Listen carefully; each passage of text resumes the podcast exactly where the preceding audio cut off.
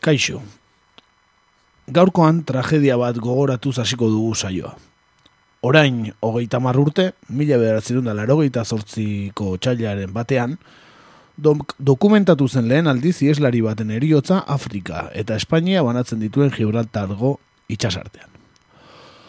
Ordutik, 6 mila zazpireun da amalau lagun hildira datu ofizialen arabera Gibraltarko itxasartea zerkatu nahian.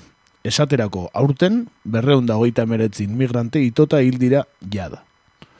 Konparazio bat eginez, eta nola datorren ostiralean azaroraren behatzean Berlingo arresia erosiz, erori zela hogeita beratzi urte beteko direnez, Berlingo arresiaren eta ekialdeko sistemaren aurkako sutsuenek arresia zeharkatu nahian hiltzen zirenei aipan berezia egiten zien. Esia zeharkatu nahian hiltzen lagunen zerrenda hori erabili zuten sistema hura kritikatzeko argudio nagusi gisa. Bazifra konparatzen hasita, lehen esan dugun bezala, Gibraltarko itxasartean 6.000 zazpireun lagun hil dira datu ofizialai erreparatu ezkero. Baina hainbat iturreri kasu egin ezkero, adibidez, migrazioaren nazioarteko erakundearen arabera, itxasuan hil dela baiestatzen den imigrante bakoitzeko beste bi hiltzen dira. Aurtengo urteari bakarrik erreparatu ezkero, mila zortzireun da berrogeita lagun dira urtarriletik urrira bitartean mediterraneo itxasuan itota hildakoak. Berlingo arresiaren kasuan eta Berlingo fiskaltzaren arabera, berreun lagun izan ziren arresia zeharkatu nahian hil zirenak Berlingo arresiak iraun zituen hogeita zortzi urteetan, irurogeita batetik, larogeita bederatzea. Postdameko ikaskuntza historikoetako zentroaren arabera ordea, berunezko oiala bezala ezagutzen zena, tartean Berlingo arresia zeharkatzen saiatuz hil zirenen kopuru alegia, eun da hogeita bost pertsonatakoa da, behin zifrak otzean esan da, aldeak izugarriak bezain esan direla esan dezakegu. Aurten bakarrik, arresiak iraun zituen hogeita zeurtzi urteetan baino, hogei bider gehiago izan daitezke mediterranean itsasoan ametxe Europarraren bidean hildakoak. Eta zifrak dena kontutan hartuta eta konparaketa osorik egin ezkero, mediterranean bakarrik eun bider aldiz lagun gehiago hildira Afrikako miseriatik iesi, ekialdeko Europa hartatik baino. Europaren eta mendebaldearen lotxa eta hipokrisia azaleratzeko datuak izango direlakoan, hemen hasten da gaur egur. Guten Tag, meine Damen und Herren. C'est la lutte contre le terrorisme. Katea ez da eten. Agirre, garaikoetxea, Gaur egur. Gaur egur. Gaur egur. Jolasten eta enredando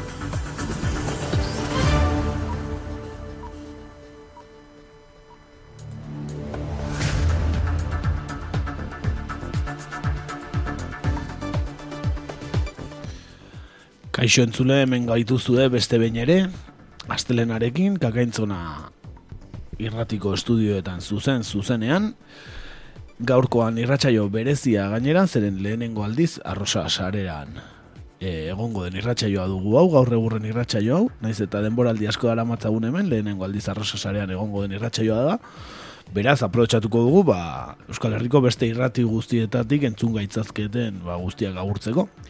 Dudari gabe, bai, gabon guzti hori eta gabon hori Euskal Herriko bazter guztietan entzuten ari direnei. Hori da, eta ez dakien arentzat, ba, hau gaur egur da eta aktualitate politikoa jorratzen dugu, bai Euskal Herrikoa eta bai mundu mailakoa. Eta, bueno, humore toke batzuk ere izatean saiatzen gera, edena ez da din serioa izan. Eta, bueno, ba hori ongi etorri eta eta mendik aurrera entzungo gaitu zuelakoan, eta lehendik entzuten gaitu zuenak ere, ba ongi etorri, hemen gaude beste behin ere, eta zuzenean, ba, bertan gaur atalarekin hasiko gara.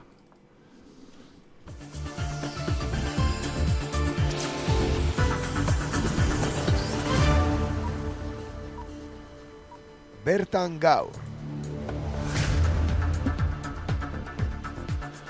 Badirudi urduritu garela zenen e, salto egin dugu atal bat. E, bertan gaur baino lehen, e, ba, kizuen zuleok, Twitterren e, galdera bat, e, inkesta bat zabaltzen dugula astero.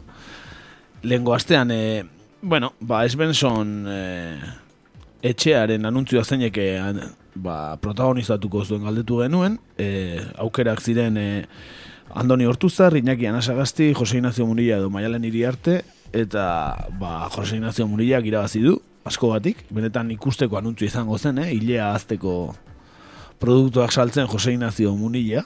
No, nor daki, ez da, bueno, gure favoritoa zela ere aitortu garra dakau Bai, kontan. hori da, gure bombila buru horrekin, ba, izan daiteke aproposena. Ba, asko batik irabazi du, uneko berro eta bostarekin, uneko goeta mairuarekin anasagazti, uneko goeta biarekin andoni hortuzar, eta euneko zero maialen iri arte ez dute ikusten. Ez ben son, me patrozinatzen. Jo, fanen bat eukiko zuelakoan nengo, baina Ba, bai. Beno, ba, gaurkoan ere orantxe galdera bialiko dugu Twitterren, gure kontua arroba gaur egur da e, Twitterren, eta inkesta honako hau da gaurkoan. E, jakingo duzuenez, atzo altxasun egon zen, e, bueno, protesta istilu edo erantzuna, fastistei erantzuna, eta bertan zegoen, ba, nahiko famatu egin den e, kake minuesa, kazetari, alborotatzaile, bueno, nazkagarri huts bat. bai, sasi kazetaria, ez da? Bai. Eta, bueno, ba, okurritu zaigu zuei entzuloi galdetzea, ea nora bidaliko zenuketen e, kake minuesa korrespontxa lanak egitera. Eta guri lau aukera otu zaizkigu, baina beti bezala erantzunetan beste edozein toki jarri dezakezue. Gure aukeretan, ba, Ipar Koreara bidaliko genuke adibidez, e, Minekin e, tratu ona izan dezakelakoan. E, bestela Afganistanera, hango egoera Ba, nik uste erabili dezakela, ez, bere ba, bazterrak nahazteko, ez, oso ondo Afganistanen, seguru nahetzaio zer pasako. Bai, Aukera izango du, bai? Bestela, Mariana, Marianetako itxaso bira bidali dezakegu, handikan e, bintzat ez digu elako txapa handirik emango, edo bestela, beste behin ere guretzat favoritoa den lekua, Martera, zuzen zuzenean, ez? Agian eh, Marte zabalduko den lehen gizakia izateko gorea izan dezake kaki minuesa sasikazetari nazkagarri honek. Eta lasai gera dadila gainea. Beno, ba, hortxe bidaltzen dugu galdera, orentxe zuzen zuzenean, aste osoa daukazu erantzuteko, beraz, ba, animatu eta erantzun. Hortxe da. Eta besterik gabe, ba, bertan gaurrekin hasiko gara. Eta gaurkoan, ba, ba editorialean aipatu dugun gai berbera, ez? Etorkinak, eh, inmigranteak, ba, ba, badailako gai, ba, esanguratsua, agian, eh, garai hauetako drama handienetakoa mundu mailan eta ba, gure herrian ere ba, badaudena kasuak eta asko eta geroz eta gehiago azkeneko urteetan errefusiatuekin eta abar gertatzen ari den kontu guzti honekin beraz zuzenean ba, lehenengo eta behin etorkinei buruz egingo dugu Ba, adingaben aferari dagokionez, Espainiako barne ministeri- ministerioaren arabera, mila eta bederatzi, mila eta bederatzi migratzaile adingabe daude ego Euskal Herrian.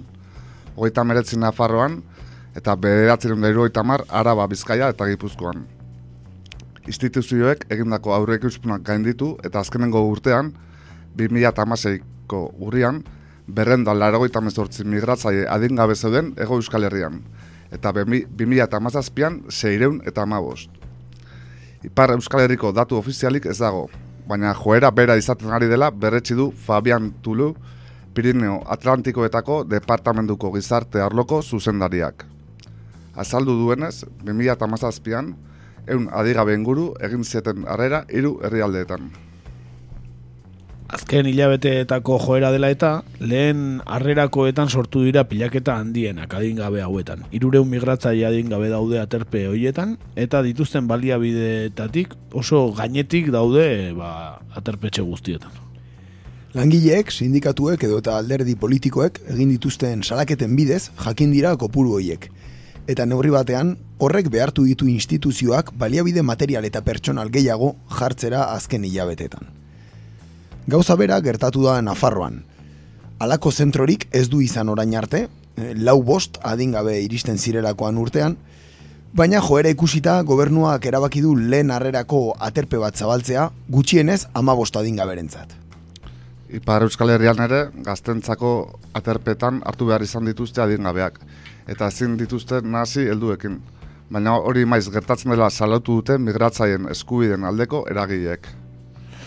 Eta hau bakarrik adingabeen kasua, eh? adindunenak oraindik eta datu handiagoak dira, baina adingabeenak ba, mila eta bederatzi daude ego Euskal Herrian eta eun bat edo gehiago iparraldean, beraz mila eun, mila berreun bat adingabe etorkin daude aterpetxeetan.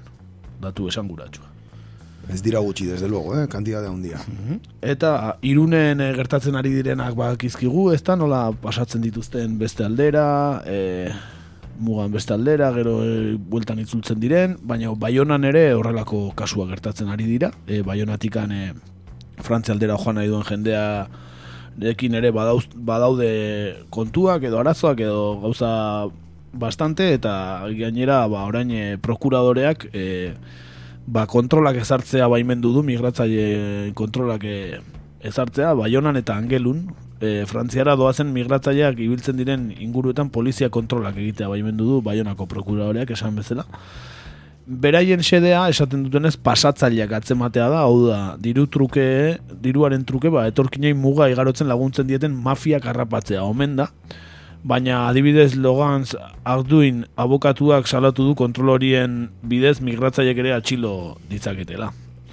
Bai, urriaren hogeita irutik, ari dira kontrol horiek egiten, eta azaroaren hogeita irura arteko baimena dute poliziek. Egunean hiru aldiz egin ditzakete. Ja, kontrol horiek goizeko seiretatik goizeko be, bederatzietara, eta guardiko amabietatik arratsaldeko lauretara, eta iruntzean be, bederatzi terdietatik amabi terdietara izaten dira. Kontrol hoietan e, oinarrituta, hain justu, e, gineako gizon gazte bat atxilotu zuten asteazkenean, baionako aterpetxaren aurrean. Etzen ezer egiten ari, lasai zegoen gitarra batekin nazaldu du arduanek. Endaiara eraman zuten eta ostiralgo izan egin zuten haren kanporatzeari buruzko epaiketa, aske ustea erabaki zuen epaiak polizia kontroletarako baimendutako ordutegietatik kanpo atzeman zutelako gaztea. Ba, ba bai, e, iparraldean ere kontrolak eta migratzaileak kanporatzen ari dira, ba, irunen ere badakigu badaudela, ez, aterpetxeak beteta, eta, bueno, kasu bastante gertatzen ari dira, lakasita gaztetxean ere egon ziren, gero uste dut ja zutela ura, ez da, ez zelako kondizio egoera honek ez beste aterpetxe bat iriki dute orain, ez, jendearen presioaren gatik, hori irunen, ba, baionan ere gertatzen ari dira. Bai. Bai, dena den, eh, nahiko bitxia dirudi eh, kanporaketa ordutegi bat, ez? Zehaztearena, ez? Mm -hmm. Bederatzietatik amabitara, eh, kanporaketa, ez? Orduan zaude, baina amabiterdietan ez zaude kanporaketa orduan. Nola esplikatu dezakete, ez? Fiskaltzatik bera, eh? Toke de queda bezala ez? Partzial bat, toke de queda zatitu bat. Prokuradoreak zi irizpide jarraitzen ditu ordutegi horiek zehazteko, ez? Badirudi klase ordutegi bat, ez? O, ez dakit. Bai, eta bestalde baita eh, langilek, Euskotroneko endaiako geltokiko langilek salatu dute nola, ba, eh, arrazaren arabera egiten duten aukerak eta hori, ez? eta, bueno, baita hori oso larria dela, eta Bai, ilegala. bai, ilegala arrazismoa duari gabe. Bai, oso aman komuna da, ez? Estatu frantsesean ere, ez? E, kolore gama batetik gora, ez? Ba, gelditua edo dokumentazio eskatzen. Bai, azkeneko e, atentatu haietatik e, aurrera, ba, irun eta endai arteko bidiatuko pasabidea pasadu denen edo zeinek ikusiko zuen geratzen dituzten guztiak e, arraza konkretu batzuetako direla, ezta? Ba, dudari gabe, ez? Horretarako horretarako eginda daude, ez? E, baimen hauek, ez? Bai, bueno, jarraitu ezagun. E, kanporantzen datu bat badaukagu. Bai, e, kanporatzei dagokienez, e, egunean pertsona bat baino gehiago kanporatzen dute berehala. Hori da urtengo bataz bestekoa. Garak emandako datuen arabera eta gehiago egon daitezke. Egunean bat baino gehiago, eh? Hala. Kanporatzen da, eh? Egunean Euskal bat baino gehiago. Hemen bakarrik. Mm. E, Espainian, e, alduguko senatari Josecho Arrieta galdetuta, bai, e, Fernan- Fernando Grande Marlaska barne ministroak errefusiatuen egoeraren berri, eman zuen e, iraian, pasaren iraian. Ministroak terminologia zehaztu eta esan zuen ez zeudela bere alako kanporatzeak. Berrartzeak baizik, claro. Arrieta gorazizion mugan eta aurrerago egiten diren kontrol sistematikoen ondoren gertatzen direla. Eta adirazgarririk ez duten furgonetetan itzultzen dituztela berriro. Grande Marlaskaren ustez, arazoa Europa guztiarena da, baita Afrikarena ere. Horretarako mugen segurtasun eta kontrolen bidez eta giza eskubiden aldeko erabakiak hartuz, migratzaile fluxua gelditu nahi du politikari sarturiko epaileak. Beno, esatea giza eskubiden eraba, e, aldeko erabakeak hartzea eta migratzaien futsua gelditzea ezakindik ezan oksimoron bat. Handina hori izan Bai, gizona nahiko trebea, ez? E, dirudi sinonimoen, ez? Iztegiarekin. Bai, bai, bueno, politikaren jokua, ez da hitz batzuk eh, deskartatu, beste batzuk erabili berdina esateko, ez? Baina, bueno, segurtasun eta kontrolen bidez, giza eskubidean aldeko erabakiak hartzea, ez da iruditzen. Bai, eta pilota Afrikari bidaltzea ere. Hori ja da, ez? Baita, arazoa, baita Afrikarena ere, honek Afrika deskubritu du hontan, eh? Bai, seguruna, bai, bere beste kide batzuk ere jungo zian Afrika deskubritzea, bai, bere garaian, seguruna. Ja lo creo. Bueno, ez da, ez, karrora igotzen dan bakarra, bai, hortxe hau, bai, Jean-Claude Juncker, bai, Europa, eh, bueno, Europaren blindatzea prestatzen ari dela esan duena, eta mugetako polizia berri bat, sortu nahi duela esan ez, Juncker jauna. E, bueno, mm, Junckerrek berak esan zuen Europa ez dela gai, izan eh, arazo horri aurre egiteko, eta bere aginte amaierako, amaierarako barkatu, migrazio politika baten oinarriak ondo planteatu da utzi nahi dituela esan du aste honetan. Eta horretarako zer hobea, ba, mugetako polizia berri bat sortu nahi du, ezta? E, migratzaien sarrera ekiditeko.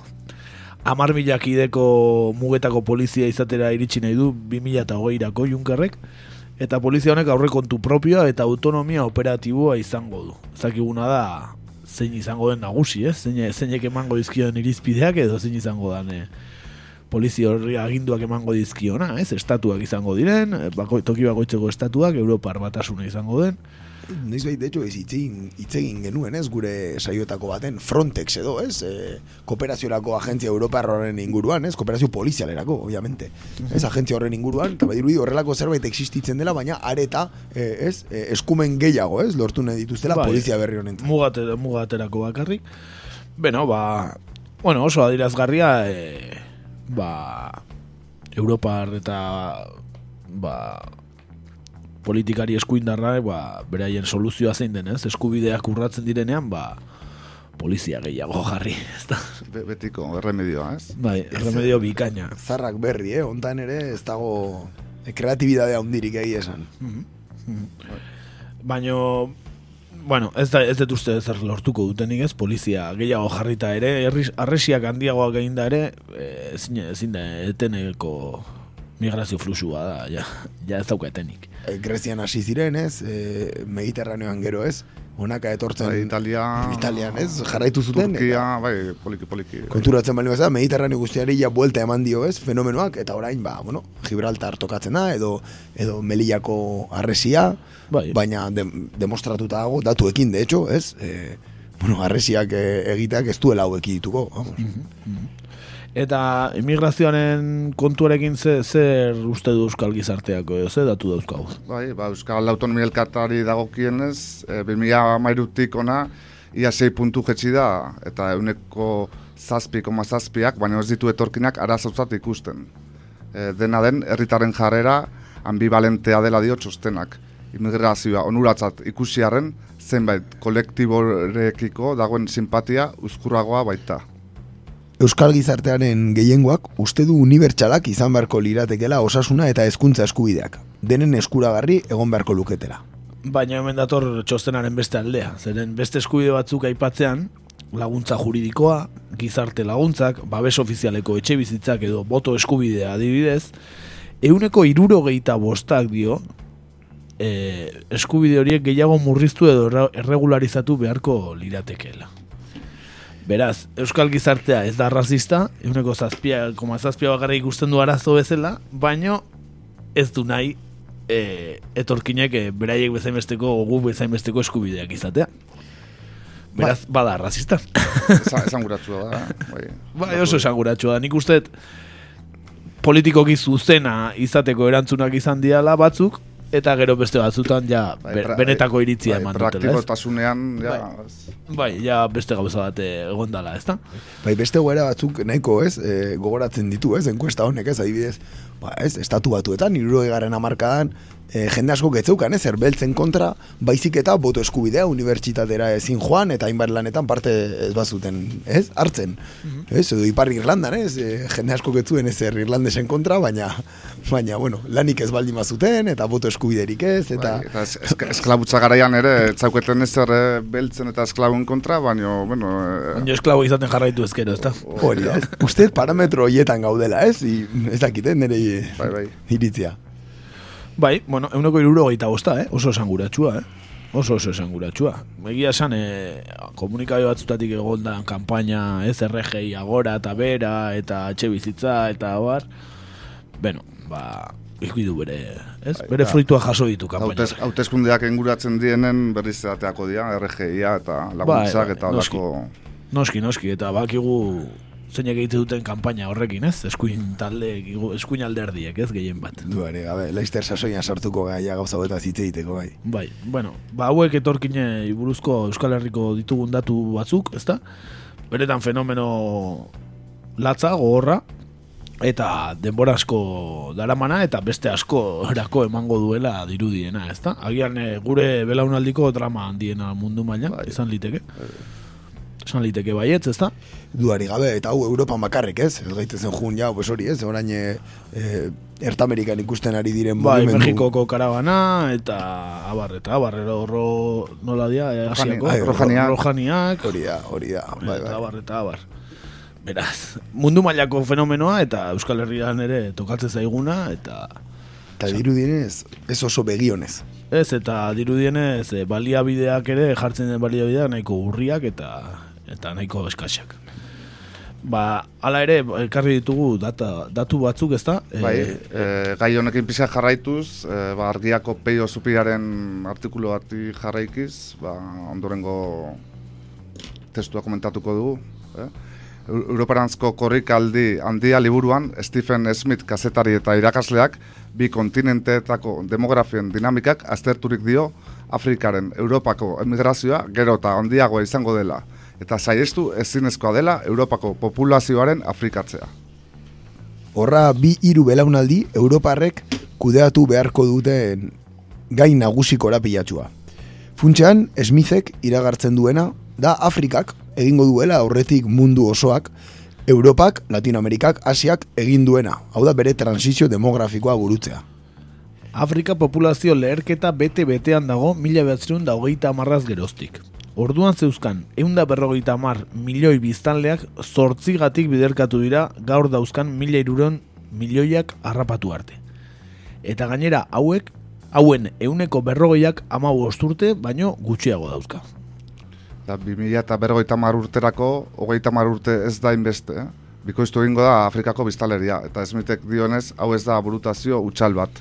Urteotan sortuko diren aurren gurasoak da, e, dagoenkoz bizirik daudelako. E, dagoenekoz bizirik daudelako. Bitartean, Europak lareunda berrogeita mar milioi biztanle edukiko ditu, populazio are zarrago bat osatuz. Eta itxaso estu baten beste aldean bizi diren Afrikar gazteok egingo dute Europarrok egin genuen gauza bera. Hilkortasun handiko familia ugarietatik familia txikiago eta bizi luzeagokoetara pasako, eh, pasatu ginenean. Bizimodu hobe baten esperantzan emigratuko dute masan, dio Smithek. Mila zortzerun da berrogeita amarretik, lehen mundu gerra hasi arte, mila behatzen da euro arte, irurogei milioi europarrek migratu zuten. Horietatik berrogeta iru milioi estatu batuetara.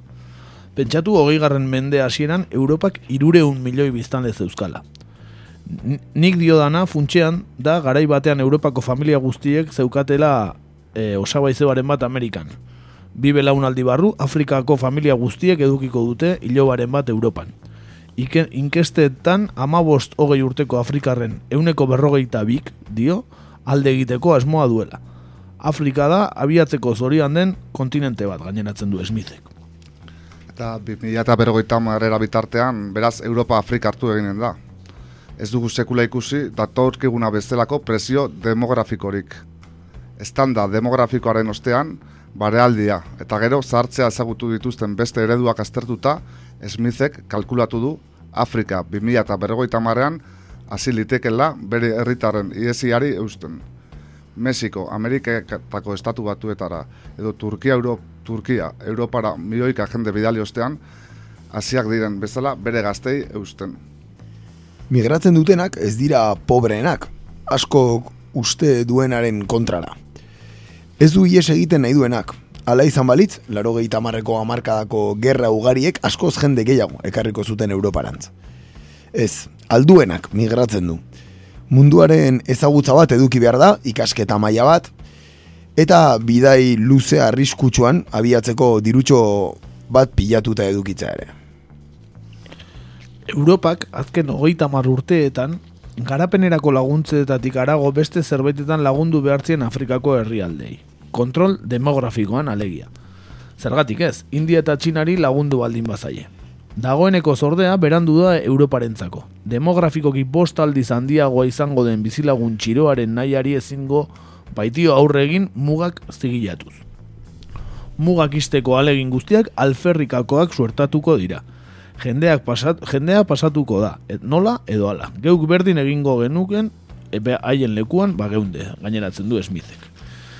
Beno, datu probableak dira, eta ezer fidagarria, baina bueno, egiten diren e, aurre, aurre ikuspen aurre ikuspena, o, bai, eta noski, e, errepikatu, eh? Europak esaten duenagatik, e, hogeita mar urte barru, lareunda berrogeita mar biztanle izango ditu, eta Afrikak 2000 bosteun, lareunda berrogeita mar milioi, eta 2000 eta bosteun milioi. Afrikarren euneko amarra Europara etorrita bakarrik berreunda berrogeita mar milioi etorriko ziren, lareunda berrogeita marret gehi berreunda berrogeita mar milioi, Ah, Erbia, ez? Ia, ia erdia. erdi bat. Etorriko litzateke Afrikatik lehendik ere etorri direnak e, kenduta, claro. Duari gabe, eta kontutan edukita, dagoeneko Europan, badirala herrialde asko, estatu frantsesa kasu, ez? Nun poblazio asko dagoen ja Afrikako jatorria duena, naiz eta frantsesak izan, ez? Kasu honetan.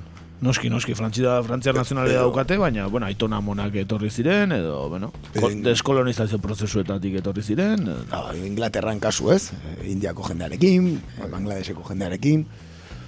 Bai, bueno, ba, datu hauekin eh, argi dagoena da, eh, ba, immigrazio politika erabateko eh, iraulia behar duela, ez da? Ez, nen, eh, oraingo bideetatikan ez dugu ezer lortzen, etorkinak sufritzea, etorkinak hiltzea, besterik ez, eta gainera eh, etenik ez du izango, eta gero ez da gehiago izango dira, beraz bestera batera pentsatzen hasi beharko da Europar gizartea, eta Europar agintariak interesatzen bazaie behintzat.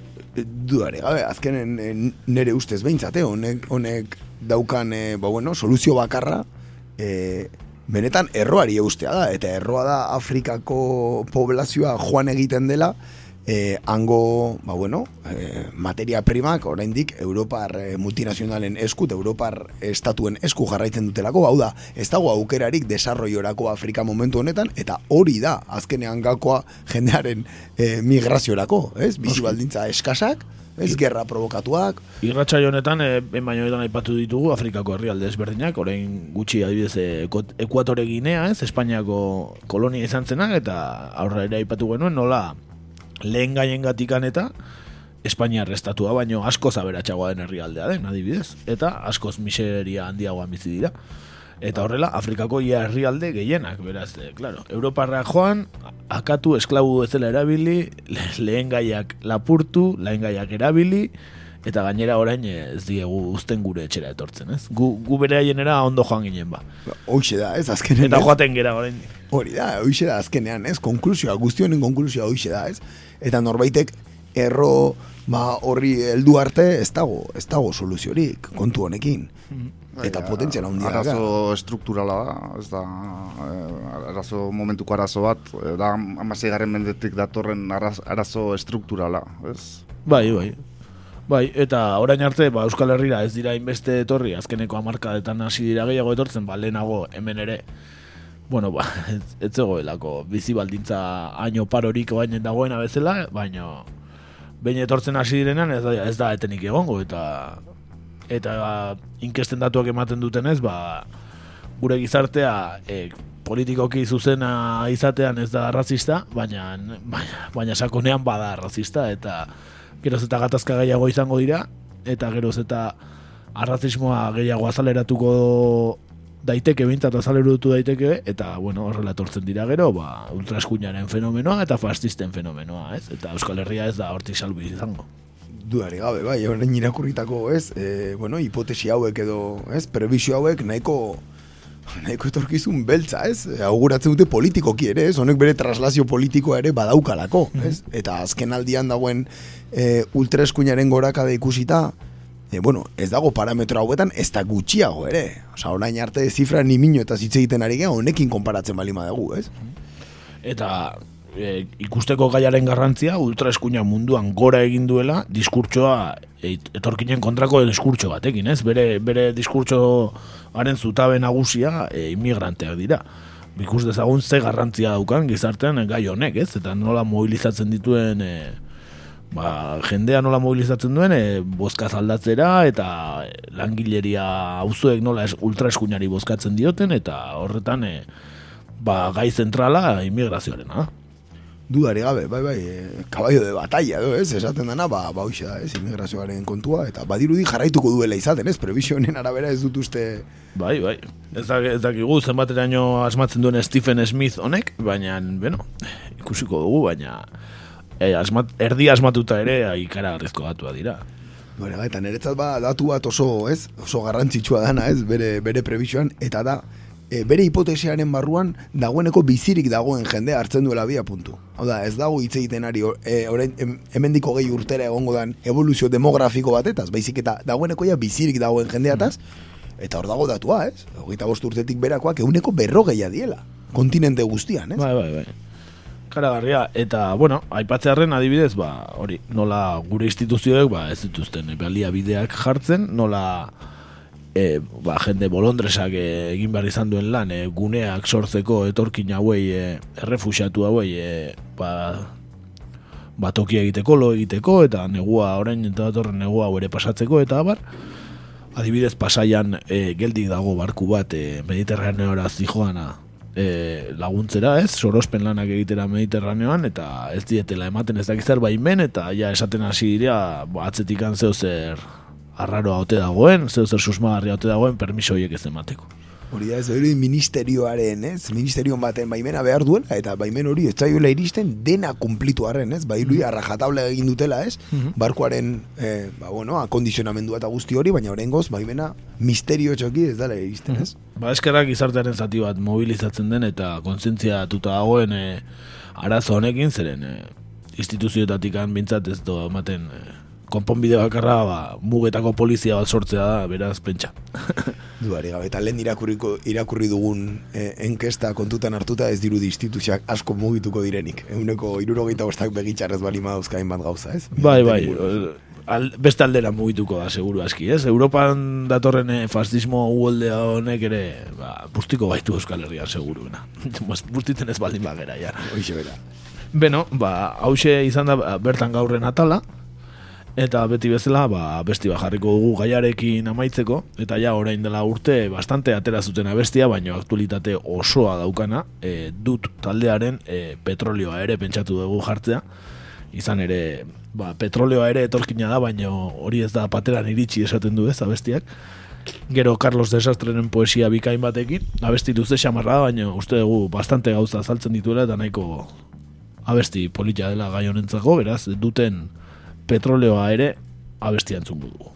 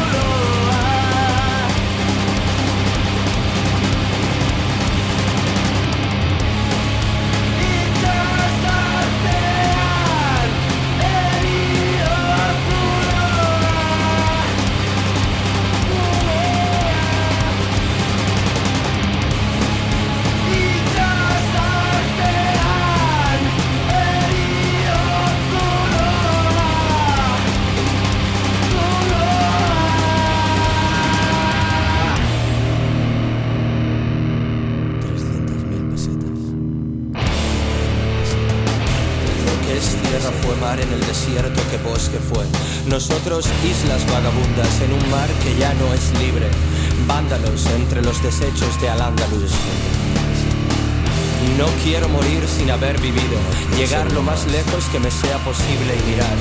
Eso quiero, mirar hacia adelante.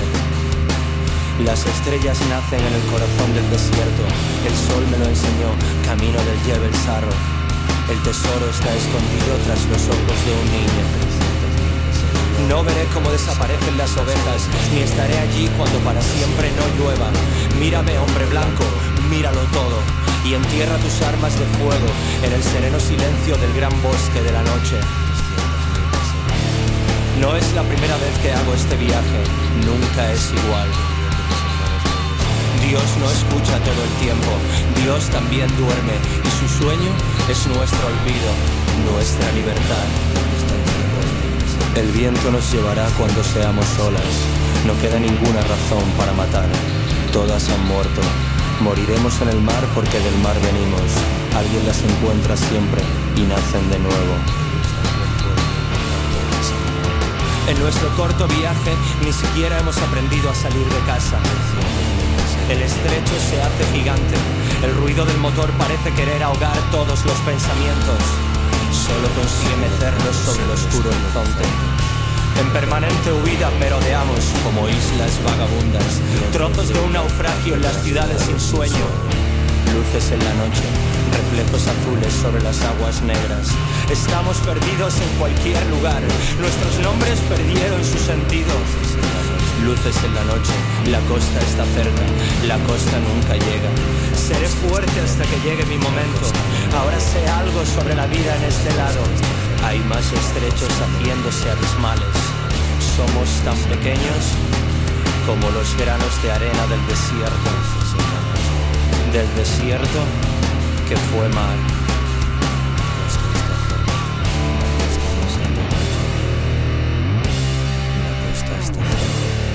Alucemas el Morche, Tánger Algeciras, Tirana, Bari, La Habana, Miami, Belgrado, Berlín, El Paso, Las Cruces, Grozny, Beirut,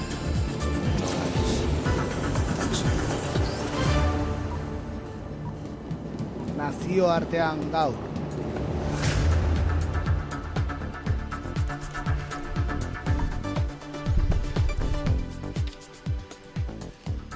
Bueno, ba, astero bezala, eh, gure nazioarteko atalea pasatzen gea, mhm. eta, bueno, ba, gaurkon beste behin ere, askotan gerturatzen gehalako bertara, ba, ekialde hurbilera jungo gea, e, bueno, jain batetan, bisitatu dugun lurralde bateaino, e, bertan bizien egoerak, ba, bueno, ezinbesteko egiten du gertatzen denari buruz ba, informatzea, hori da gure iritzia bintzat, eta horregatik, ba, gaurkon berriro, e, palestinara hurbilduko gea. Zehazki gaurko saioan e, bertan, ba, etengabe atxilotuak eta espetxeratuak diren umeen inguruan e, mintzatuko gea, umen giza eskubideak eta bueno, oroar herri oso batenak ba, urratzen dituen Israeldar errepresio politikoaz aritzea proposatzen dizuegu.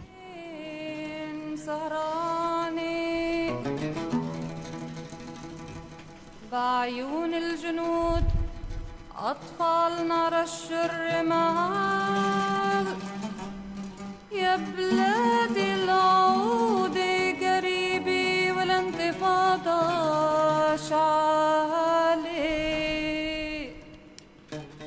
Ba, aipatzearen esan Palestinako lurralde okupatuetan Israeldar armadak adingabeak atxilotzea ohiko gertara bat bihurtu dela. Are eta gehiago, geroz eta adingaben atxiloketa gehiago ematen ari dira azken aldian. Preso palestinarren kolektiboak berriki jakinarazi duenez, irureun da berrogeita marra adingabe daude une honetan espetxeratuta eta hauetako irurogeita lau pasaden otxaian izandako mobilizazioetan atxilotuak izan ziren. Gainera, haietako berrogeita bederatzi, amasi urtetik beherakoak dira.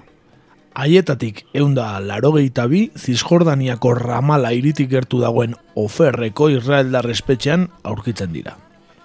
Haietako hiru espetxean atxiloketa administratibo bezala ezagutzen den prozedurapean daude.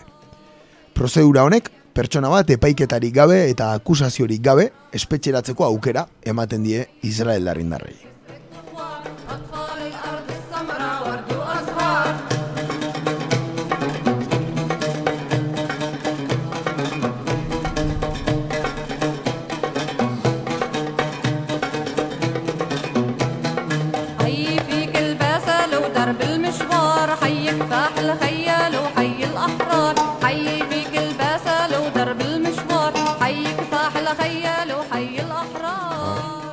Bai, patu behar da, urtero Israeldar armadak bosteundik zazpireunera adingabe atxiletzen dituela eta gehienak galdekatuak izan ondoren Israeldar epaitegi militar batetik pasatzen direla.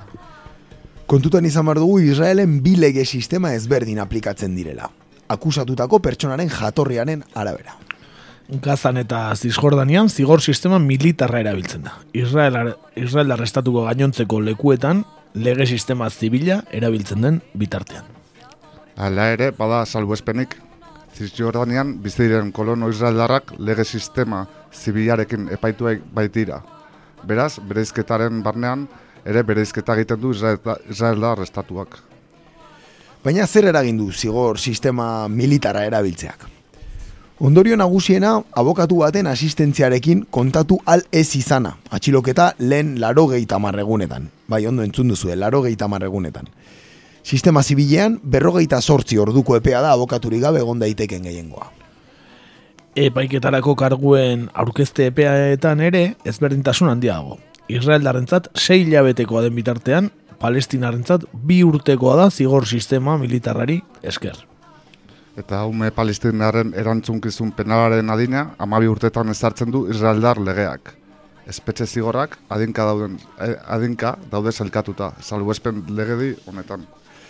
Hala da, amabi eta amairu urteko umeak sei hilabetez espetxeratu aldituzte gehienez. Amalau eta amabost urtekoek bost urte arteko espetxealdia igaro dezakete. Eta adin horretatik gorakoek adin nagusien espetxe zigor berdinak jasotzen dituzte. Ideia bat egitearren, kontutan izan dezagun, Israeldar salbuespen legediak amar urteko espetxe zigorrak aurrik ikusten dituela, pertsona baten aurka harri bat botatzen duenarentzat. Eta hogei urtekoa, harria ibilgailu baten aurkakoa baldin bada. Hogei urte harri bat ibilgailu bati botatzeagatik.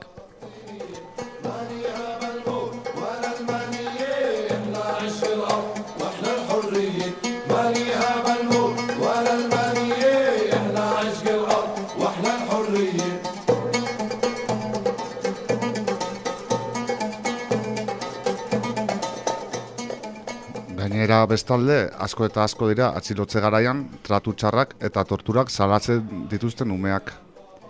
Bai duela hilabete batzuk kaleratutako txosten bitan, Military Court Watch eta Middle East Monitor gobernuz kanpoko erakunde palestinarrek atxilotutako adingabeen euneko irurogeita lauak tratu txarrak salatzen dituela argitaratu zuten. Erakunde hauek atxilotu adingabeekin burututako elkarrizketetan, ia atxiloketa guztiak inongo agindu judiziali gabe egin zirela konfirmatzen da. Eta bestalde, elkarrizketatutako e, bi herenek ukabilkadak, zaplastekoak eta objektu ezberdinekin kolpeak jaso zituztela ziurtatu zuten. Postura deserosoetan ere izan zituztela baiestatu zuten, eta lehen momentutik begiak estali egin zizkietela. Atxilotu eta berehala irainak eta mehatxoa jaso zituztela salatzen dute ere adingabeek. Gehienek abokatu bat edo asistentzia legala izateko eskubiderik ere ez zuten izan. Eta ia denei, ulertzen ez duten hebreeraz idatzitako deklarazioak zinerazi zizkieten atxiloketa garaian. Hain da gordina egoera, askotan egoera zehatzek agerian uzten dituztela Israeldar indarren gehiagikeriak. Adibide gisa, amairu urte zituen ume bat atxilotu eta espetxeratzean, espetxeko funtzionarioek ezin izan zizkioten eskuburdina jarri bere eskuak txikiegiak zirelago. Atxiloketa garaian egindako galdeketetan ohikoa da ere Israeldar soldaduek umeak erreklutatzen saiatzea.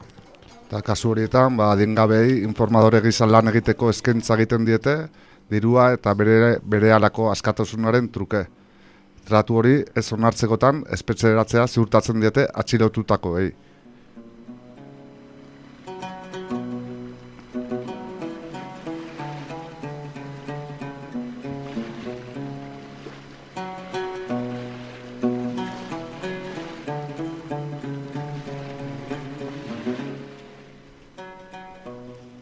Pentsatzekoa denez, egoera guzti hauek ondorio latzak dituzte adingabengan. Ondorio posttraumatikoak goikoak dira haien artean. Isolamendua, logiteko zailtasunak, ansietatea, autoestima bajua, jarrera antisozialak, estresa, erru sentimendua, komunikatzeko zailtasunak. Gainera, adingabe palestinarrak jasotzen dituzten hiru izaldar espetxetetik batek bakarri dauka irakaskuntza programa bat. Eta ura ere kalitate basukoa eta baliabidez eskasa dela salatu dute hainbat erakundeek.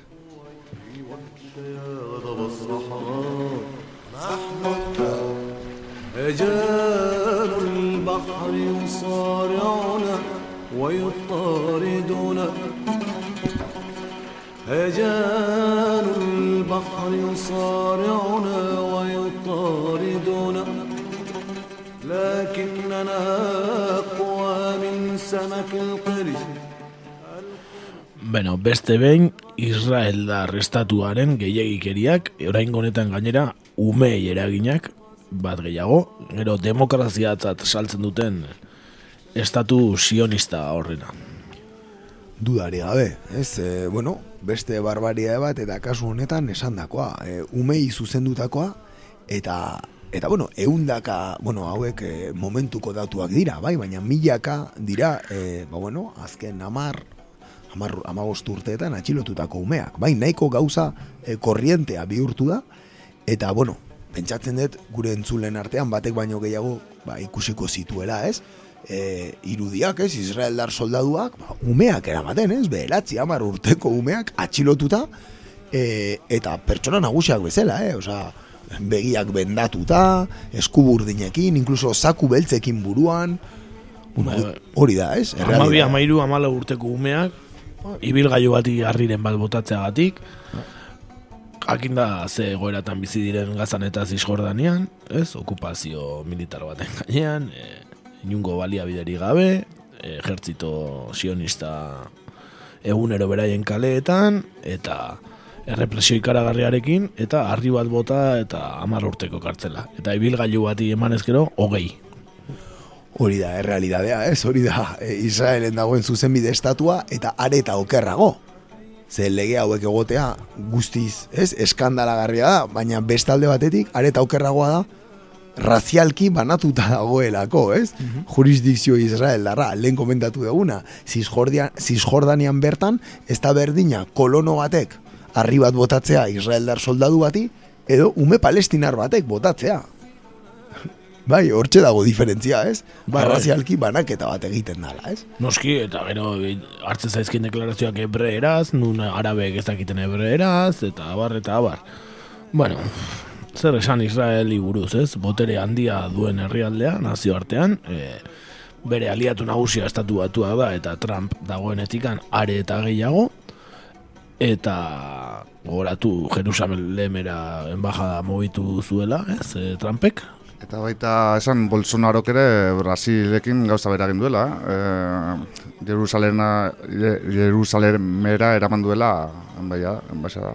bai, bai, bai, Aste honetan mugitu dute, ez? Embajadaia eta neofascista hauek eh, badukatela Israelekin ondo egoteko gogoa, ezta? Eh, dirudienez. Zer zergatik izango da? Ba bai, ba bai, eta guzti hau gertatzen da, e, bueno, esan dakoa, ez, estatu batuak eta Europar batasuneko herrialde gehienek, ba bueno, ez, herrialde honekiko kolaborazio handia e, ba bueno, garatzen jarraitzen duten bitartean, inkluso, ez, gure ambito, ez, ba, gure mikromundura bueltatuta, ez, e, bueno, gure inguruko zenbat enpresek, ez, egiten dituzte negozio multimilionarioak, ez, Israeldar gobernuarekin, ez. Bai, bai, bueno, ez dugu izenik esango, baina gure inguruan dagoen enpresa handienetako batek eh, bidaltzen ditu bere produktu gurpildunak eh, Israeldera, ezta? Eta ez gutxi. Eta ez gutxi, ez? Bai, ez. Eta, bueno, ba, beti Israel eta Palestina eta zitze egiten dugun bakoitzean, ba, berdina, ez dutela ez da nazio batuen tan onartutako resoluzioa betetzen, ez daukatela inungo intentzio hori gainera, Bai, be, beraien legeak ere ez dituzela betetzen. Hori da. Lurraldea okupatuz eta lurraldearen zatia gehiago okupatuz jarraitzen dutela, akuifero guztiak eh, beraienak egiten eta abar, horretaz gain giza eskubide gehienak urratzen dituztela, ez dakit herrialderik egongoan munduan giza eskubide gehiago urratzen dituenak Israel baino. Hainek ez aurkitu daiteke, ez de luego. Eta ba, beti esaten dugu beste gauza bat, interneten begiratzeko zein diren Israelgo enpresa, enpresa sionistak, boikota egiteko, martxan dagoela aspalditik, e, mundu mailan ba, apartheidarekin egintzen bezala, ba, ba palestinako egoera benetan konponbide batera eramateko, ba, mundu guztiari deitzen zaio boikota egitera bertako produktuei. Hori da, bai, beti deialdi hori egiten dugu, eta, bueno, jakin dezazue, ez, BDS jarrita, ez, e, interneten agertzen direla, ez, ba, enpresak, ze, ze produktu daude Israeldar jabetzapean, eta, bueno, jakiteko. Eta azken datu bezala, ez, komentatu dugu e, umen, e, umen datua, bai, komentatu dugu bazaudela irurun da berrogeita marradinga espetxetan, e, oroar, espetxean momentu honetan dauden palestinar preso politikoak, 6.000 berreun kideko kolektibo bat osatzen dute. Ideia bat egiteko, ez? Honek dakan e, magnitudeataz. Bai, 6.000 pertsona baino gainago espetxean daude e, arazo politikoen gatik. Ikaragarria, benetan ikaragarria, e, ekialde hurbil guztian daude arazoak, baina palestinakoa ja, ja, ja mende batera joango da, edo gehiago, e, arazo honekin, eta eta, bueno, e, sionisten okupazioarekin, eta ez dauka, konponbide gertukorik ez dauka, ez du maten. Ez, ez du ematen, eta ez, beti errekurrentea, ez, dan, dan gai bat da, ez, e, faseak aldatzen doaz, ekialde hurbila transformatzen doa, honeako eta batez ere txarrerako, baina palestinako gaia beti hor dago, ez? Bai, bai, ez hain aldatuko. Pff, Noiz, noiz zibilizen Camp Daviden izketan, eta noiz ez zen hori, Arafat eta eta Isaac Rabin, no? Laro eta malauan, no? Hori da, ba, hori hoxe esan bar nun, guko haindik, bueno, genboia jolastu, jolasten ez genuenean oraindik, ez? Esate bateako, ez? Osa, oso txikia ginen eta dagoeneko ja elkarrizketa horiek eban ziren eta hemen ez da egon inungo evoluziorik. Nobel saria ere mantzieten, eta pentsan, zertan gauden. Beno, palestinakoa beti beti urtero hitz egiten dugu era batera edo bestera, e, agian orokorki ez, baina beti daukagu kasuren bat hitz egiteko, adibidez oraingoan adin adingabeen kasua, ez, atxilotzen dituztena. Benetan lotxagarria, eh, gero ez dakit, eh, anuntzioa ikusten dira mundu mailarako ONG hauek, ez? U, nazio batuei loturik dauden ONG hauek, ez? UNICEF eta Save the Children eta Bai, bai, aknurrentzat. eta- Nur, eta bai, oso ondo Afrikan eta lagundu hartzaio umei, nola ez, baina, bueno, Israeli buruz ez, dute horragorik esaten, ez da? Gutxi, gutxi, eh? inorrez dago sartzen. Ba, horixe. E, zeo zer gehiago gehitu nahi ez badegu, ba, abestitxo bat jarriko dugu. Bai, abestitxo bat. Bai, ba, bai hemen dakagu abesti bat, e, bueno, Palestinia, ez, Palestinatik ba, erresistentzia kantu bat dena, bai, e, kantu tradizional bat dirudienez, eta, bueno, ba, hoxe, hoxe entzungo dugu, bai. Ba, hori, jurria Palestina.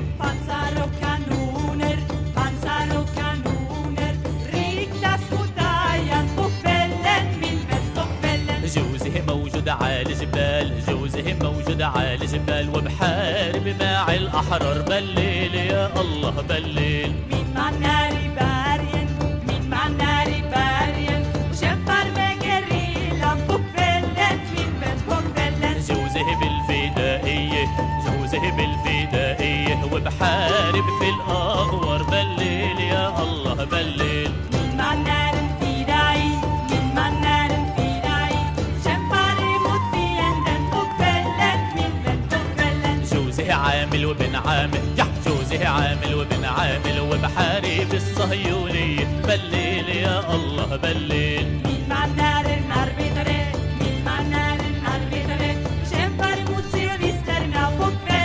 مين جوزه فلاح وبن فلاح جوزه فلاح وبن فلاح وبحرر أراضي بالليل يا الله بالليل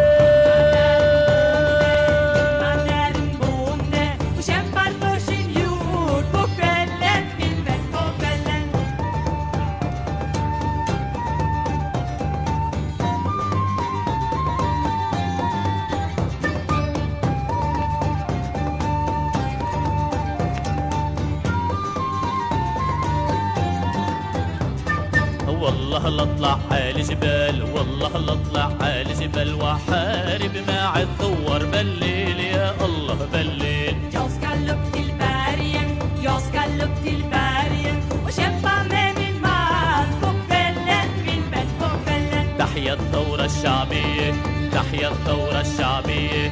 لتحرير فلسطين ولتدمير الرجعية. Leve våra kamrater, leve våra kamrater Palestinas, kamp ثيرنا وفر تفيك فلسطينا تحيا الثورة الشعبية تحيا الثورة الشعبية لتحرير فلسطين ولتدمير الرجعية.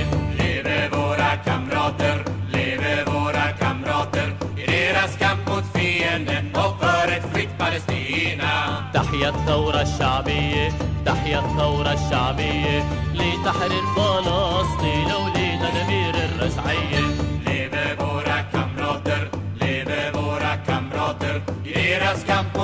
Fienden ett fritt Palestina.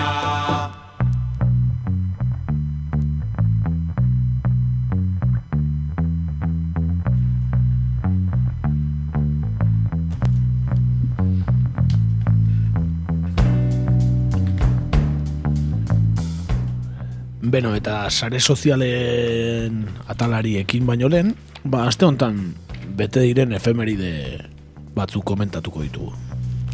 Ba, aipatzeko adibidez, e, iaren batean, mila zazpireun da berogeita magostean izan zela Lisboako lurrikara. Richard Eskaran zortziko mazazpi gradutakoa. Eta nola, irurogei mila eta eun mila lagunen artean hil ziren.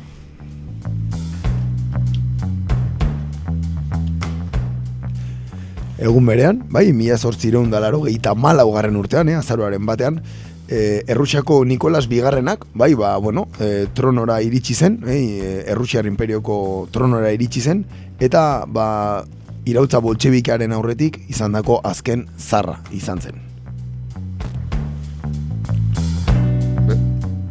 Bestalde, mila zazpireun, mila bedeatzireun da mazazpian, e, gran, e, bueno, e, errein, Britania handian. Britania handiak eta Irlandak e, sinatu zuten Balfurreko itunaz, eta bertan nola e, Israelen estatuaren lehen harria ezarri zuten, ez?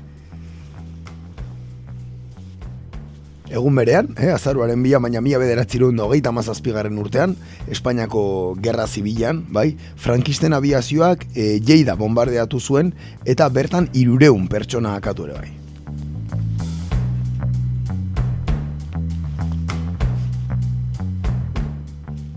Baita, ia- e, mila behatzen da berrogeita baiko azaroan iruan, izan zen bigarren garate e, bigarren alameneko guduaz, eta bertan e, mundu gerrak, bigarren mundu gerrako inflexio puntu handi bat izan zen Afrikako, Afrika Korps delako bataia hortan, edo gudu hortan, ez? Eta hor hasi zen atzera pausoa, ba, Hitlerren ejertzituarena. Rommelen tropak, ez da? Hori da.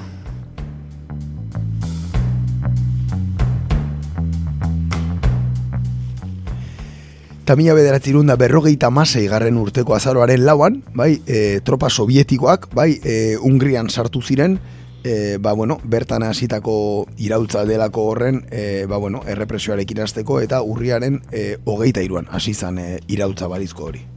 Eta bestalde, mila behatzen da irugaita marrean, Salvador Allende kargo hartu zuen Txileko presidentzian.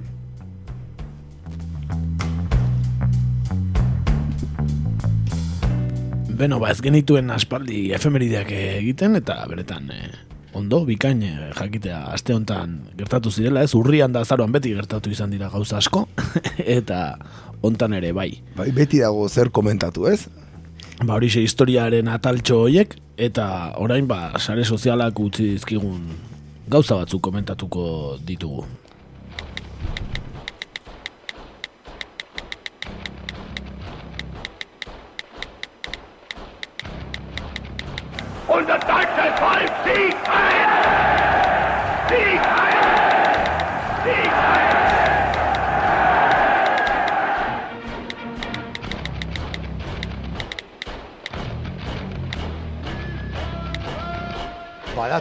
SSA. Sare sozialetan egur.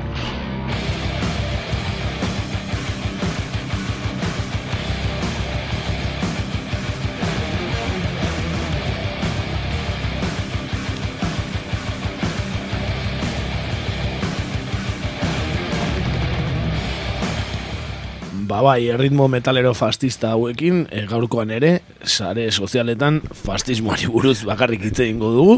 Ja, Azken aldian e, abonauta gaude. izan barri zuen, abono egin dugu, eh? bai, bai, urte osoako. Bai, bai, bai, esan bai, eske, bai, noski, sare sozialetan, e, aste honetan zer egon da pilpilean. Pua, Fastismoa. Ba, altxasu, altxasura fascistek egindako bisita.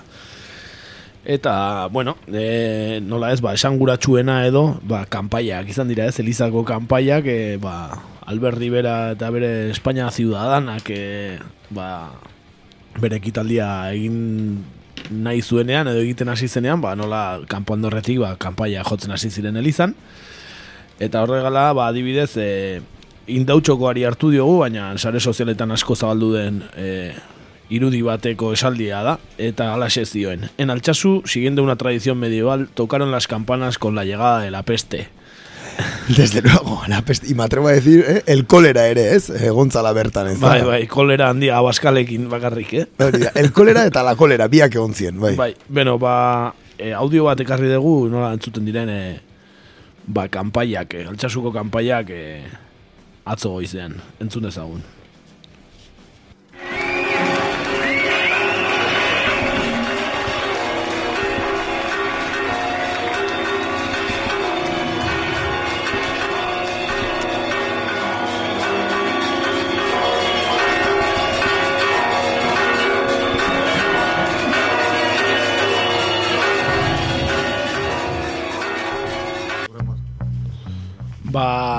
Horixe, kanpaiak nola nola jo zituzten ez, eta nola izorratu zieten pixkan mitina. Bai, ez zitzaien bat ere gustatu, ez da? Benetan, e, gauza asko... Bai, baina ez atera dezu dira. entzun gaina horre salaketa bat eta jarri dutela, eta... Bai, el, emez, e, apaizak esan du, beraiek ez zekitela ezer, ez? Eta meza maiketak fo- foruzaingoak salaketa jarri die bi lagun. Eh, bi lagune, ja. Bai, bai, bai, identifikatu zituen bi lagun eta salaketa jarri. Kanpandorrekoak? Bai, bai, bai, bai. bai. Bai, bai. Bai, bai, de hecho hori da, administratiboki eh, salatu dituzte, infrakzio grabe batengatik, polizia foralak eh, esan duenaren arabera, eta eh, bilera edo manifestazio lizito baten perturbazioagatik, hauziperatuko dituzte. Joder. Polizia foralak, eh, egin du atestatuak, horrela berriro gogoratzea. Ondo, altxasune, ondo, polizia foralare, ondo, Bai, eh? papera... Txukun, txukun, eta bere burua ere oso txukun, eh? Beno, ba, esan e, iritsi zirenea, iritsi ziren fastistak eta momentu hortako e, zati asko ere e, sare sozialetan agertu dira, ez? Nola jaso zituzten eta asko eman du esateko, ba, Ciudadanos bertatik atera den e, gezur batek, ez? Harri, harrika hartu zituztela eta ez da inundik inora egia izan, ez zituzten harririk bota, noiz norbaitek agian metxeroren bat edo bota zuela, eta horrela sesión Afrilunak. Espero a que en el programa de Ana Rosa pongan alguna imagen de las piedras que se lanzaron ayer en Alchazu, las piedras comilla artean. Que lo mismo se refieren a las piedras de los mecheros. Bai, bai, irudiak ikusten malima dira, ez nahiko deduzible egiten da, ez? Harririk horretzela egon, ez? Ez, eta baukagu momentu hortako audio bat ere, ba, nola jaso zituen eh, Altxasuko herriak eta inguratu ziren guztiek, ba, fascista talde hau.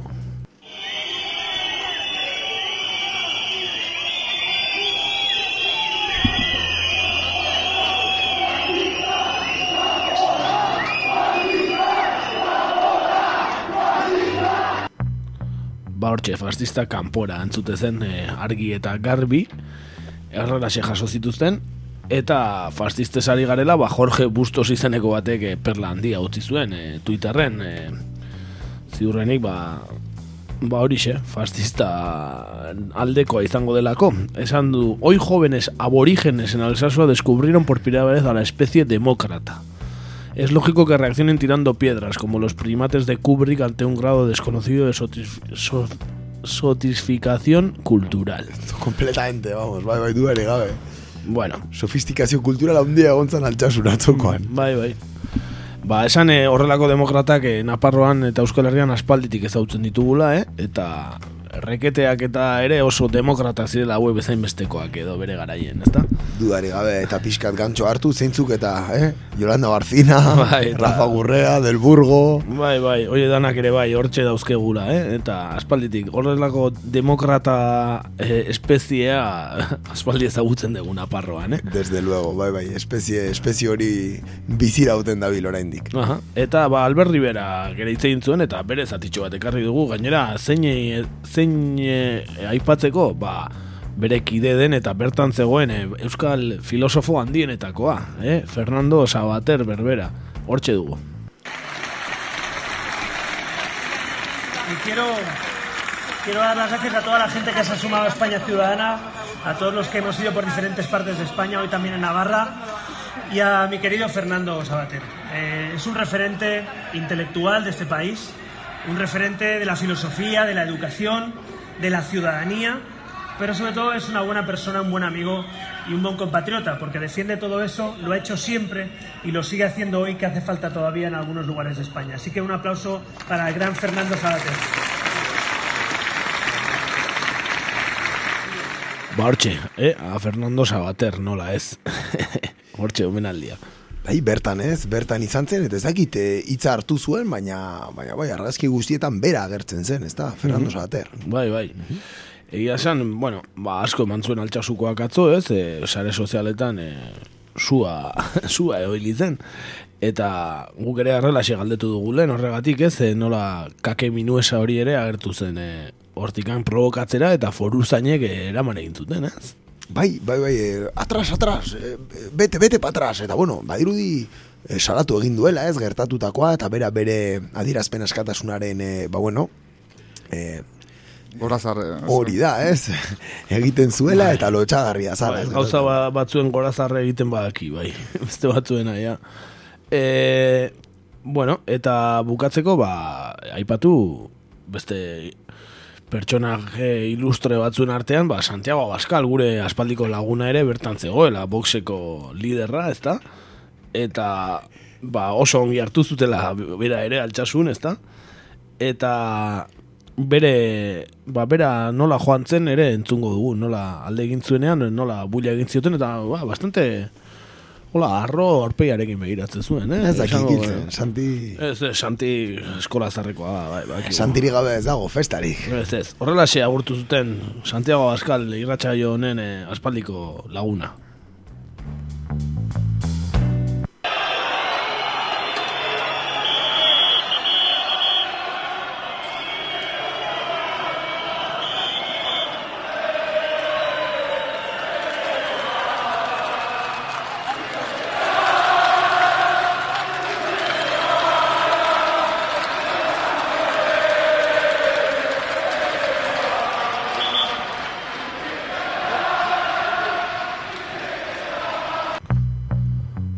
Que se vayan de una puta vez esate zien, ez da?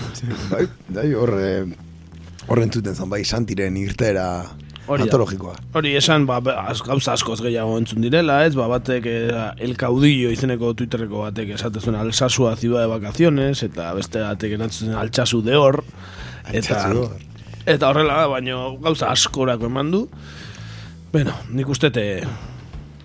Gero, polemika ere bihur eh, egon da sare sozialetan, bueno, ez da bastante Euskaldunen artean, eh, hau altzen erantzunik aproposena, kasu ez egitea, o ez obete zen hobea, ez ote duten e, beraiek nahi zuten alortu, e, fascista hauek, e, beste esaten zuten e, erantzun beharra daudela horrelako erasoak, e, bueno, danetarako iritziak egon dira. Bai, nahiko goera bitxiak, ez? Utzi ditu altxasu, altxasukoak ere ez, bueno, asteburu honetakoak batez ere, Eta bai, badirudi hor herrian bertan ez, egondako asamblatan ere nahiko dibizio egondala, ez, erantzuteko moduaren inguruan, eta de hecho hainbat ekimen diferente, ez, zeuden planteatuta erantzune emateko atzokoari, ez. Bai, bai, e, gogoratu larun baten manifestazioa gontzala, gero egunean bertan ere de, era desberdinetarako ekintzak egon zirela, musika taldea, bertsolariak, e, bueno, jendea builaka, punk talde bat ere kamioneta baten igota azaldu zen e, ko- kontzertua jotzera. Bai, Fermin Muguruzak ere, ez, kontzertu bat eman zuen, ez, Bai, Xabi atzan. Solanorekin eta, bai, abesti batzuk jozituen sarri-sarri eta horrela uste dut. Bai, gero gauza nahiko bitxe iruditu zitzaidan pertsonalki, ez dakit irudiak ikusi dituzuen, e, nola e, kordoi, segurtasun kordoi bat zegoen, baina ez e, antolatzaiena, baizik eta... Altxasuko herritarrena, ez? Altxasuko herritarren kordoi... Bai, provokazioetan ez erortzeko edo, ez? Bai, hori da, lehenengo aldia zan, nire kasuan ikusten nuela kordoi bat, e, manifestazio bat salatzea juten direnentzat, ez? Nahiko kordoia ja bazegoen, ez? Guardia Zibila eta Foru Zaingoarena, ez? Bai, Nahiko bai. presentzia poliziala handia zegoen, eta desente harritu nindun hori kordoi bat egotea manifestariak kontenitzeko, ez? Eta ez izatea antolatzaiena, baizik eta beste aldeko balizko antolatzaiena, ez? Oso Mhm. kurioso egin zitzaidan. Bai, oso, oso arraroa. Bueno, benetan eh, mendik atera behar den konklusioa da altxasuko herri guztiak kriminalizatzen ari direla eta kartzelan dauden gazteak ere ba ez daukatela etorkizun oparoa e, altxasu horrela foko mediatikoan jartzen da bitartean, ezta? Ez, desde luego ez dirudi gauza oso bideo honetik doanik, ez? Eta eta hoixe berriro ere altxasura eta bueno, intentzio guztiarekin. E, duare gabe gaur komentatzen zuten, ez? Nola aurreko, bueno, aurten, ez? Adibidez Don Benito en Extremaduran, ez? Guardia Zibil bat akatu zuten edo edo Kadizen egon zen e, trifulka bat eta hainbat Guardia Zibil jipoitu zituztela taberna baten eta inorri etzaiola bururatzen bertara jotean mitin bat egitea, ez Espainia Ciudadanarena. Bai, ez, kontua da, han, e, bueno, hobespena dukatela be, gizartearena, eta hemen berriz, ba, bueno, etzaile gustatzen, e, Euskal Herrian, ba, beste, beste sentimentu batzu daudela, ezta? Eta ez digula, ba, beraien nahi dutena sentitzen, eta gainera, ba, toki askotan, ba, Guardia Zibila galde egiteko eskakizuna ere badagoela, eta horrelako gauzak ez zaizkie gustatzen, eta gainera botoak ematen dizkiete ebrotik bera. Duari gabe, ez, nahiko valiente izan zen, ez, atzokoa. Eta gero bestalde batetik nahiko harrituta ere kontestuarekin, ez, e, saldu zuten Guardia Zibilari, ez, e, apoioa emateko, ez, antolatutako ekimen bat zela, Oia, nik ikusi dituan diskurtso zatietan, etzan Guardia Zibila ipatzen. Espainiar batasuna zan. Hori da, ez, diskursoa oso, ez, Mhm. unionista zen, eta Espainiar batasunaren ingurukoa, nazionalismoaren aurkakoa, bueno, nazionalismo periferikoa deitzen duten horren aurkakoa, Kataluniari buruz ere hitz egin zuten, hau da, kontestua etzen izan Guardia Zibila apoiatzeko. Ez, ez, eta, bueno, lehen gaztean ere esan genuen, nola Alberti berak esatezun, que venía Navarrak, no Euskal Herria, que eso no existe, bueno, beraiek ere bakite existitzen dela eta horregatik etortzen dira, ez? Dudik ez izan, ez? No, noski baiet. Beno, e, ba, espero dugu urrengo astean sare sozialetan bestelako gaiak ateratzea, ez erien, ja, azken aldian fascista bakarrik ekartze ditugu, eta nahiko hoi hartzun ematen diete beste batzuek ere, guk ere emateko, baina aipatu beharra zegoen, e, aste hontako gaia izan delako. E, azkena besti bat ekarri dugu, aurretik gogorarazi, e, Twitterren inkesta bidali degula, nora bidaliko zenuke kake minueska korrespontxan lanetara, Eta oraingoz ba euneko berrogeita hamarrak Afganistanera eta euneko berrogeita hamarrak Marianetako itxaso bira bidaliko lukete korresponsal lanetara. Osea, que Eh, Ez dute Ipar Korean ikusi nahi, eh? Ez, eta Marten ere ez momentuz ikusi behar. Agian igual inkesta emango dio vuelta oraindik. Agian elkartasun keinuren bat, ez, inork ez du nahi, ez, beste entzat berarentzat nahi ez duena, ez? Uste Ipar Korean azte maldin badaulako galderak egiten ez dala, ez du asko iraun behar, eh? Erite zait. Baina, bueno, ba horixe, e, ba agurtzea besterik ez zaigu falta, azkena besti ekarri dugu, eta nola sare sozialetan protagonista izan diren kanpaiak, ba, e, ACDC, ACDC iren e, Hell Bells e, abestia ekarri dugu, e, kanpaiak, ez? E, ba, inpernuko kanpaiak, ez da? E, horrelaxe izango zirelako atzoko fascistentzat ez inpernuko kanpaiak, e, ez zietenak e, utzi Albert Riberaren e, diskurtso ederra entzuten, eta ba, horrexegatik ekarri dugu Hell Bells, besterik gabe, ba, datorren astean hemen izango gaituzue. Duari gabe hori da, astelenean entzungo gara, eh, astero bezala, eta bitartean, ba, gaiztok izan. Hori da. Agur bero bat, arrosa sareko irratietatik, ba, gaur ezagutu gaitu zuen guztioi, eta beste guztioi ere bai. Hori da. Datorren astera arte. Gaur guztiei. Agur.